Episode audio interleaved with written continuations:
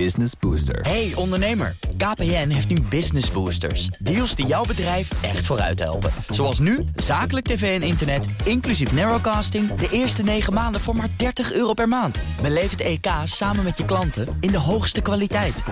Kijk op kpn.com slash businessbooster. Business Booster. De BNR Techniek Tour wordt mede mogelijk gemaakt door Wijtechniek. Wijtechniek. Samenwerken aan jouw ontwikkeling. BNR Nieuwsradio. De Techniek Tour. Carlijn Meinders. Meetmast Cabau van het KNMI, ook wel de snuffelmast genoemd, doet allerlei belangrijke metingen in de lucht en de bodem. In deze aflevering van de Techniek Tour hoor je alles over wat deze mast allemaal meet, waarom de grasprietjes eromheen precies de goede lengte moeten hebben, wat er binnenkort vernieuwd moet worden en waarom ESA er graag met satellieten overheen vliegt. Christian Niekerk van het Rijksvastgoedbedrijf trapt binnen de rondleiding af. Dit is de mast. Ja, hij is eh 2 meter diameter, 213 meter hoog. En het deurtje waar je voor staat, ik weet niet of die open kan. Is dit het kleine deurtje waardoor je moet als je naar boven gaat? De sleutel komt er Ja, de mast is de helft opgedeeld in liftschacht Ja. en trap. En je hebt een trap die gaat vanaf hier 213 meter omhoog. Zo, pittig eh, tochtje. Dat is een pittig tochtje als je dat eh, niet met de lift kan doen. Ja. Ben je even onderweg. Ja, Ja. want we staan nu eh, aan de voet. Nee, dit is de eerste etage. De voet Dit is al de eerste etage. voor de mast wel. Ja. ja want de, de voet die zit hieronder. Het deurtje gaat ondertussen open. Even spieken hoor. En je kunt naar binnen stappen. En dan kun je het liftdeurtje open schuiven. Oh, die is al open. Kijk, dat is de lift. Je moet niet claustrofobisch zijn hè, Nee. als je hier eh, naar boven Deze gaat. lift doet er 7,5 minuten over om op 200 meter te komen. Oké. En inderdaad, in de lift zit ook het trappetje. Ja, dat is om op de lift te komen. En achter je heb je het trapje. Oh, hier. Het trapje dat helemaal naar boven gaat. Het is gewoon een ladder. Het is een ladder, een eh, industriële Recht ladder. omhoog. Ja. Je ziet allemaal leidingen naar boven lopen. Heel veel, ja. En dat zijn allemaal snuffelleidingen. Die komen in de kelder uit. Het KNMI meet de lucht. En de Ja. lucht die wordt afgezogen. En die gaat in de kelder toe. En daar kunnen we vast ook even kijken. We lopen naar één etage naar beneden. En dan komen we in de kelder van het mastgebouw uit. Dit zijn de schroeven waarmee de mast is bevestigd aan een betonnen voet die vijf meter in de grond zit. Met zulke kleine schroefjes. Ja. Daarop maar staat hij vast. hij zit dus wel heel diep in de grond en in beton. Ja. Het beton zelf gaat vijf meter de grond in, dat? beton vijf zelf, zelf gaat vijf meter de grond in. En de mast die wordt op zijn plek gehouden door de tuidraden die buiten de mast strak aantrekken. En die trekken hem als het ware op deze sokkel waar die op staat. Ah, ja. En daardoor zijn maar heel weinig schroefjes nodig om die mast op zijn plek te houden. Zonder die touwen zou die dan... eh, Omvallen, dan zou die gewoon omvallen. dan zou die omvallen. En beweegt die eigenlijk Hij enigszins heeft of bijna op de niet? top heeft hij een uitwijk van maximaal 70 centimeter dat hij beweegt. Oh, dat is niet veel. Dat is heel weinig. We hebben een anderhalf jaar aan meten geweest hoeveel de mast uitweek. Ja? En we kwamen op een max van 7 centimeter uit. Wauw, ook tijdens storm dus. Ja. En Ehm. waarom staat die mast zo stil? Het KNMI doet allerlei onderzoeken op afstand. Bijvoorbeeld naar de gebranditoren, daar staat ook meterapparatuur op. Ja. Daar onder deze mast en de gebranditoren die zenden daar informatie naar elkaar uit. En die mast moet zo stil mogelijk staan om die metingen niet te verstoren. Ah, ja. Dus hij mag niet torderen, hij mag niet eh schuin Heen en weer gaan, wiebelen, heen en ja. weer wiebelen. Dus de tuidraden die staan eh, vrij strak. Er staat een paar ton aan trekgewicht op al die ja. tuidraden. En die zorgen dat hij gewoon zo stil mogelijk staat. Er mag dus ook niet één van die draden ook maar enigszins afwijken. Want dan gaat hij hem langzaam Tij- tijdelijk, omtrekken. tijdelijk mag dat. Hij mag, eh, een van de tuidraden hebben we berekend, mag eh, breken. En dan kunnen we ongeveer, eh, zolang het niet harder gaat waaien dan windkracht eh, 11... eh, mag hij een aantal dagen mag die zonder die spanning staan. Dan moet je, in die tijd moet je een noodvoorziening getroffen Oké, hebben. dus dat, dat kan een paar dagen en Ja. dan moet het opgelost Dan moet zijn. het opgelost zijn. Wat doe jij zelf? Ikzelf. Ik ben eh, projectleider bij het Rijksvastgoedbedrijf. En ik zorg dat eh, alle klantwensen die men heeft voor deze mast... eh, nieuwe installaties, het onderhoud aan de mast, dat voer ik uit. Ja, hoe lang staat hij er eigenlijk al? Van 1972, toen is die opgeleverd. Oké. En bijna 50 jaar. Ja, We zijn, nu, ja, we zijn nu bezig om een uh, nulpositie te maken... om nog eens een keer 50 jaar leven mee te kunnen maken voor de mast. Oké, dus uh, een grote onderhoudsbeurt eigenlijk? Een grote onderhoudsbeurt komt eraan. We hebben In 2019 hebben we de tuidraden vervangen. Die waren aan vervanging toe. Hoe meet je dat eigenlijk? Wanneer zo'n draad aan vervanging toe is? Uh, dat bereken je.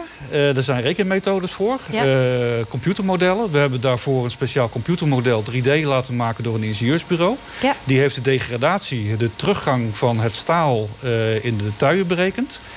En als je op een bepaald percentage komt, dan voldoe je niet meer aan het bouwbesluit. En dan kom je onder het afkeurniveau van het bouwbesluit. En daarvoor moet je het al vervangen hebben. Ja. Nou, daar waren we gelukkig nog niet aan toe. Maar uit voorzorg hebben we de tui dus vorig jaar, 2019, vervangen. En dat doe je dan één voor één, zodat hij wel overeind blijft Ja, we hebben ze één voor één hebben ze dus uitgewisseld. Ja, Niet ja. allemaal tegelijk, dat duidelijk. Ja. en uh, bij zo'n grote onderhoudsbeurt, wat gaat mhm. er dan allemaal gebeuren? Uh, bij de onderhoudsbeurt die wij nu gaan uitvoeren... gaan we de buitenkant van de mast schilderen. De coating die er nu op zit, die zit er ook alweer 50 jaar op. Ja. Uh, we gaan uh, de bordessen waar men op staat... Die, we hebben 20 bordessen in de mast. daar gaan we ook onderhoud aan uitvoeren omdat die ook uh, last hebben van corrosie. Ja. We gaan de lift in de mast gaan we renoveren. De lift is onderhand uh, ook zo oud als de mast. De motor is uh, wat jonger gelukkig. Maar de installatie zelf die erin zit, het, het kabinetje, de rails waar die langs loopt... Ja. 50 jaar oud. Dus die gaan we ook renoveren. We gaan alle belangrijke delen die vervangen moeten worden vervangen. Maar alles wat niet elektronisch hoeft te worden, laten we lekker zitten. Want dat werkt goed, weinig storingsgevoelig. Ja. Dus dat, dat laten we zitten. Wat wel nog aangepast gaat worden, is de bediening van de lift bij een storing. Nu moet in zo'n geval iemand helemaal naar boven klimmen om daar een schakelaartje om te zetten naar handmatig. Straks moet dat ook vanaf beneden mogelijk zijn. Vanwege de veiligheid mag sowieso ook niet altijd gebruik worden gemaakt van de lift, vult mainnetbeheerder Guido van Wegen aan. Uh, we mogen er niet uh, onbeperkt in. Als de weersomstandigheden slecht zijn, boven windkracht 6, dan gaan we ook het risico niet nemen dat we bijvoorbeeld bovenin vast komen te zitten. En daarbij ook een hoge temperatuur. Als de temperatuur te hoog is, dan gaan we ook niet naar boven. Want stel dat je dan op 200 meter vast zit en het is uh, echt 30 graden. In zo'n cabine. En dan is het water een keer op, zeg maar. Hè? En dan uh, krijg je het slecht. Ja, dus de lift, die de moet, lift uh, gaan we krijgt een upgrade. Ja, de lift gaan we renoveren. We gaan ehm, de uithouders. Er zitten op de mast zitten 20 niveaus waar men op kan werken. Het onderliggende niveau, er zit een uithouder, een stalen arm van een meter of 7,5 waaraan al het uh, wetenschappelijke apparatuur vastzit... Ja. Die, uh, die moeten omhoog kunnen komen. Zodat de mannen van de KNMI bij onderhoud, schoonmaken van sensoren... en dat vervangen van uh, apparatuur de arm naar binnen kunnen halen... om op een bovenliggend niveau daaraan te kunnen werken. Juist, ja. dat wordt nu met hydraulische druk wordt die arm omhoog geduwd. Dat hydraulische systeem is ook al heel oud. Moet ook vervangen worden. Daar hebben we veel lekkages in gehad. En als het systeem kapot is, zijn alles armen niet meer bedienbaar. Want dan is het hele systeem valt uit, want er zit geen druk meer op. Ja. Dus hebben we bedacht, kunnen we daar een alternatief voor verzinnen? Ja, dat is er. En dat is het uh, vervangen van de hydraulische installatie door uh, elektrische spindels. Dus we gaan 30 elektromotortjes uh, aanbrengen in de mast. En als die dan uitvalt, die kun je van de plank bestellen. Nieuwe? Een nieuwe erin en je bent klaar. Dus je hebt je storing binnen twee uur opgelost in plaats van in een paar dagen. En dan zijn ze er nog niet eens. Ook het gebouwtje om de mast heen heeft een opknapbeurt nodig. En de noodstroomaggregaat gaat van de kelder naar een plekje buiten de mast vanwege de brandstof wel zo veilig. Terwijl we verder lopen langs allerlei indrukwekkend meetapparatuur... zie ik ineens een stukje antiek aan de muur hangen. Deze kasten ja? zijn digitaal. En die kasten, die, die, die relen, die zijn analoog. En in 1972 gebruikte men alles wat ze in de mast meten... kwam hier binnen, ja. op deze railsen. Uh, eigenlijk een beetje een oude telefooncentrale. En daarmee kwamen de meetgegevens binnen. Nu gaat het alles wat binnenkomt... Een soort schakelkast van snoertjes. Ja. En dat zette je dan door naar... Ja, oude Mac-computers uh, waarschijnlijk. Wauw, ja. En nu gaat het allemaal wat sneller. Je ziet de buizen die we uit de, in, de, in, de, in de mast zagen zitten. Deze snuffelbuizen, die gaan hierin. Ja. Die worden uitgelezen. Die gaan naar een computerruimte die we straks boven gaan bekijken. Ja. En daar staan uh, de computers. En die stuurt het allemaal weer door naar KNMI de beeld. En die uh, verzamelt de gegevens en, en doen er dan waarschijnlijk iets mee. Dat zijn allemaal kruisverbindingen, die uh, opengewerkte schakelkast waar we nu naar kijken. Ja. Alle data die binnenkomt, die kan je dus hier uh, doorkoppelen... en op iedere gewenste plek ook weer naar buiten brengen. Dus of versturen met de computer naar de beeld, of hierboven uitlezen. Ehm, maar vroeger ging dat dus echt met de hand. Dus als je dus wilde dat die data ergens anders binnenkwam... moest je hier zeg maar, de kabel omzetten, zo gezegd. Dus dan, dan zette je hem eigenlijk op, het, op, het, op de daadwerkelijke kabel naar een andere plek? Ja, zoals het vroeger ook in de telefooncentrale ging. Als je zei dat je eh, mevrouw uh, de Vries wilde spreken... dan werd jouw plugje zeg maar, omgezet om verbinding te maken met de telefoon van mevrouw de Vries. Het functioneert nog wel, want tijdens de uitvoering van het uh, project... het vorig jaar het vervangen van de tuien... hebben we er gebruik van gemaakt om 3D-versnellingsmeters van TNO uit te lezen in de mast. En die 3D-versnellingsmeters van TNO die waren bedoeld om te kijken welk gedrag de mast had tijdens het vervangen van de tuien. Ah. Welke frequentie stond hij in en kwam die weer terug in dezelfde frequentie als dat wij hem in handen hebben gekregen. En uh, hebben de tuien ook dezelfde frequentie als de oude tuien. Zodat er niet een ongewenste trilling in het gebouw komt die voor een breuk zou kunnen zorgen. Juist. En toen hebben jullie dus handmatig die data doorgeschakeld. Van die techniek nog gebruik gemaakt om de computers van TNO op aan te sluiten. Ja. Dus nog even laten zitten maar, uh, dit systeem. Ja. Toch? telefoonbereik, elektriciteit of in dit geval omgevingsmetingen. Het valt of staat, ook letterlijk, bij de mast waar het in hangt. En de techniek die ervoor nodig is, draait ideaal gezien non-stop door. Dat maakt het voor het uitvoeren van een project erg lastig. Omdat alles wat ik hier als projectleider laat uitvoeren... heeft invloed op de metingen die KNMI uitvoert. En uh, moeten we vooraf altijd hele heldere afspraken maken. Wat doen wij? Wat bewegen wij? Uh, hoe verstoren wij het primair proces van de klant? Ja. En uh, hoe passen wij onze uitvoering daarop aan? Ja, en kunnen zij daar rekening mee houden in hun meting bijvoorbeeld? Bijvoorbeeld, ja. ja dat je hem even pauzeert. Ja, nee, maar het, het, het, rijden van de vrachtwagen door het veld hier... heeft al invloed op uh, de trillingen. Die uh, brengt trillingen over in de mast. Uh, de dieselmotor van de vrachtwagen die verstoort de, de luchtkwaliteit in de lucht. Ja. Dus daarvan houden we logboeken bij tijdens het uitvoeren van een project. wat voor verstoringen wij hier in de, in de omgeving veroorzaken. Het is secuur onderhoud wat dat betreft. Heel secuur. Niet echt te vergelijken met andere plekken, denk nee, ik. dat klopt. Waar het wat grover gaat allemaal. Ja.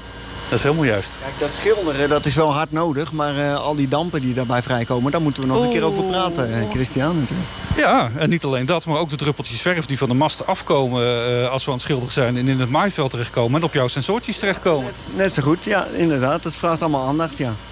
Zie ik hier ook klimuitrusting staan? Ja, dat klopt, ja.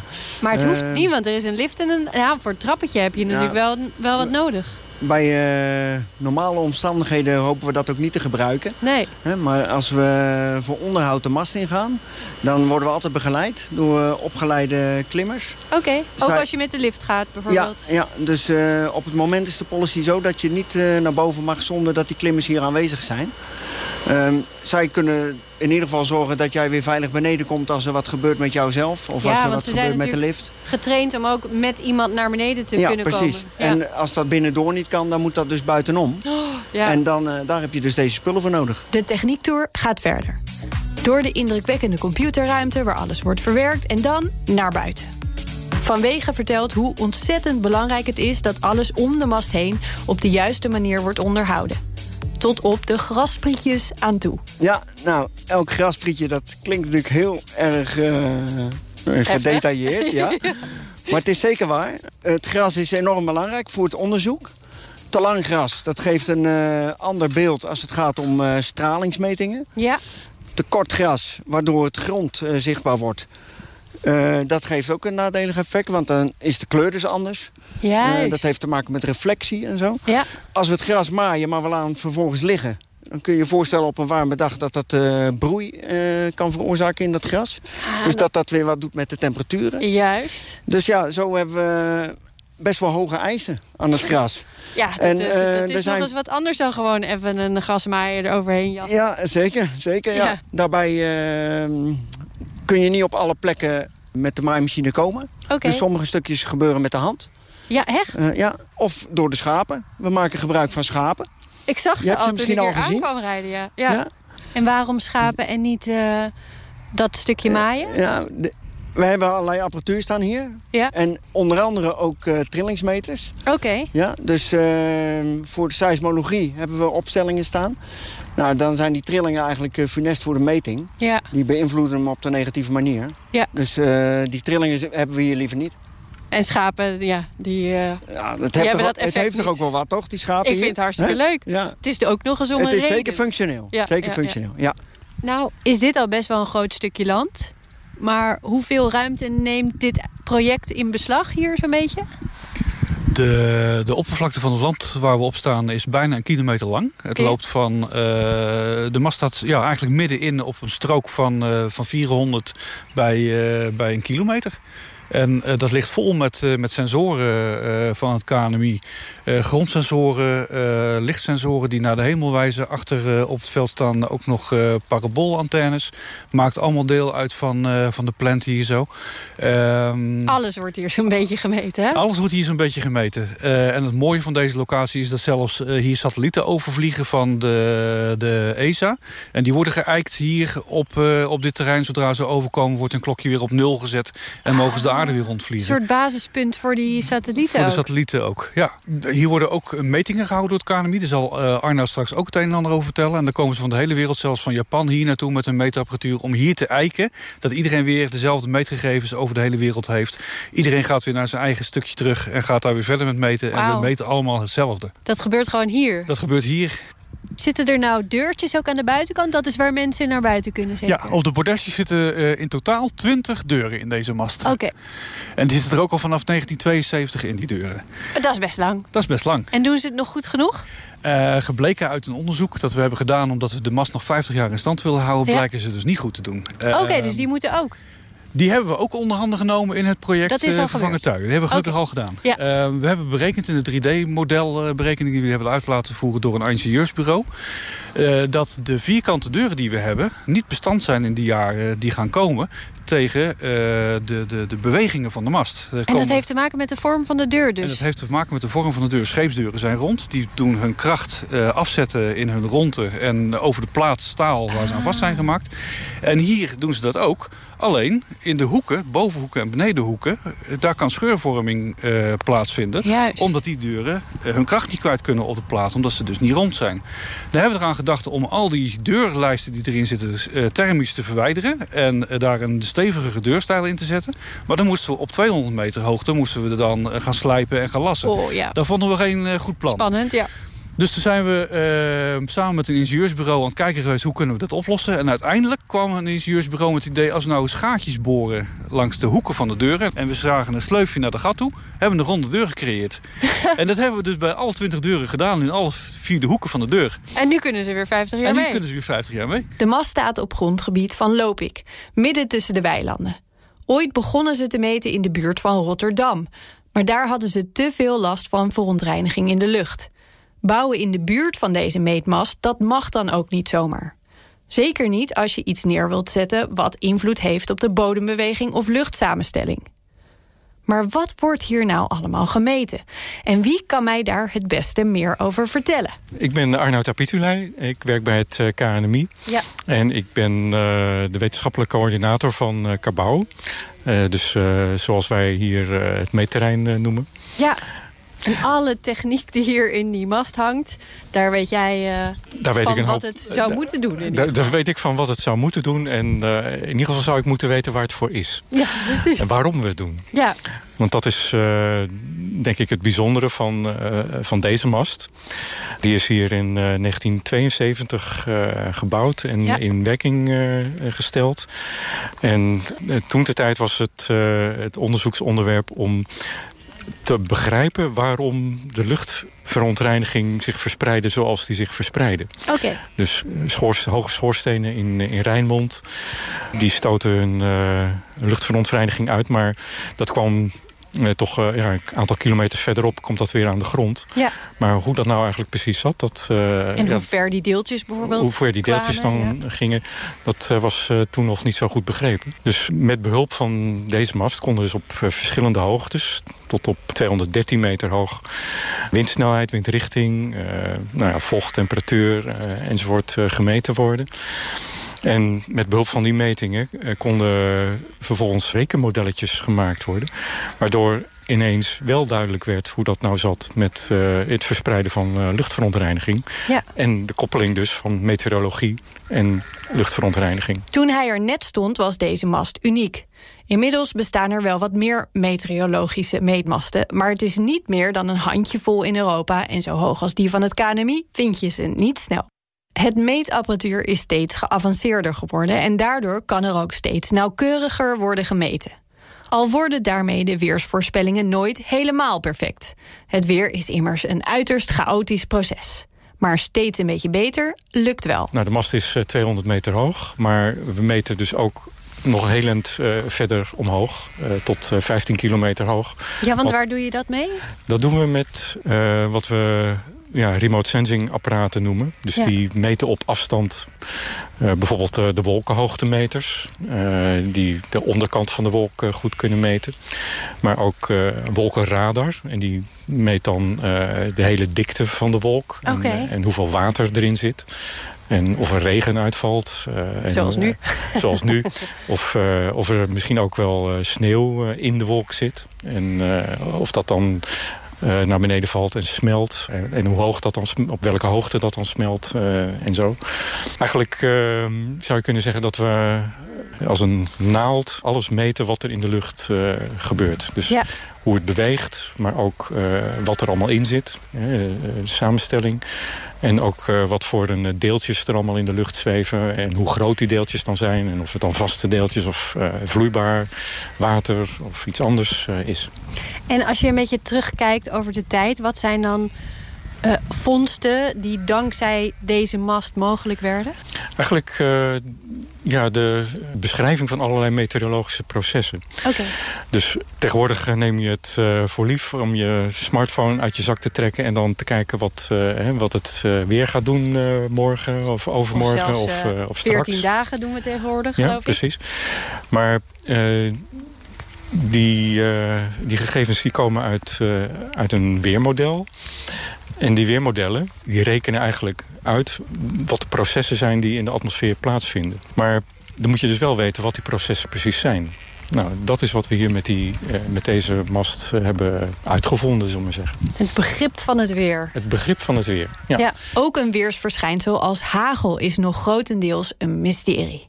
Gelukkig gaat de mast straks nog 50 jaar mee, dus nog zat tijd om dat te ontrafelen. De verschillende onderzoeken doet het KNMI hier overigens niet alleen. Ook het RIVM, TNO, ESA en de universiteiten van Wageningen, Delft, Utrecht en Amsterdam doen hier onderzoek. Wat vindt Abitulij eigenlijk het mooiste aan de mast? De mast die geeft ons een, eh, een vaste basis. Maar met eh, de remote sensing apparatuur gaan we nu niet alleen eh, omhoog kijken, dus waar de mast ophoudt, Ja. maar ook scannen om, eromheen. Zodat we een, ja, veel meer een ruimtelijk beeld krijgen van de dynamiek van, de, van de atmosfeer. Ja, als we dat dan weer eh, goed weten te koppelen met eh, modellen... dan kunnen we een volgende stap maken in die, eh, ja, die hoge resolutie weersvoorspellingen. Juist, ja, je gaat dus eigenlijk nauwkeuriger kijken en verder kijken. Ja. En we weten dus nog lang niet alles. Nee, we weten nog lang niet alles. Nee. Het, het wetenschap houdt niet op. nee. Zijn er dingen waar je zelf van denkt... oh, was daar maar techniek voor... dat zou ik nog veel liever willen meten... maar zover is het technisch gezien nog niet. Een, dat, nieuw, eh, een nieuw speeltje voor in de mast. Ja, een nieuw speeltje voor in de mast. Wat heel moeilijk is, nog steeds, is die bewolking die nu boven ons hoofd hangt... waar, waar het een heel klein beetje uit regent.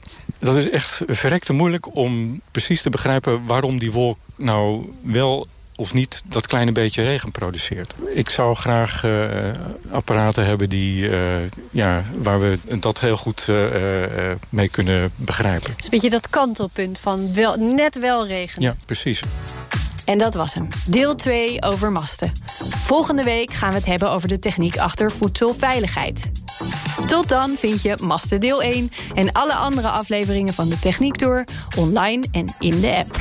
De BNR Techniek Tour wordt mede mogelijk gemaakt door Techniek Nederland. De makers van More Business Booster. Hey ondernemer, KPN heeft nu Business Boosters. Deals die jouw bedrijf echt vooruit helpen. Zoals nu, zakelijk tv en internet, inclusief narrowcasting... de eerste 9 maanden voor maar 30 euro per maand. Beleef het EK samen met je klanten in de hoogste kwaliteit. Kijk op kpn.com businessbooster. Business Booster.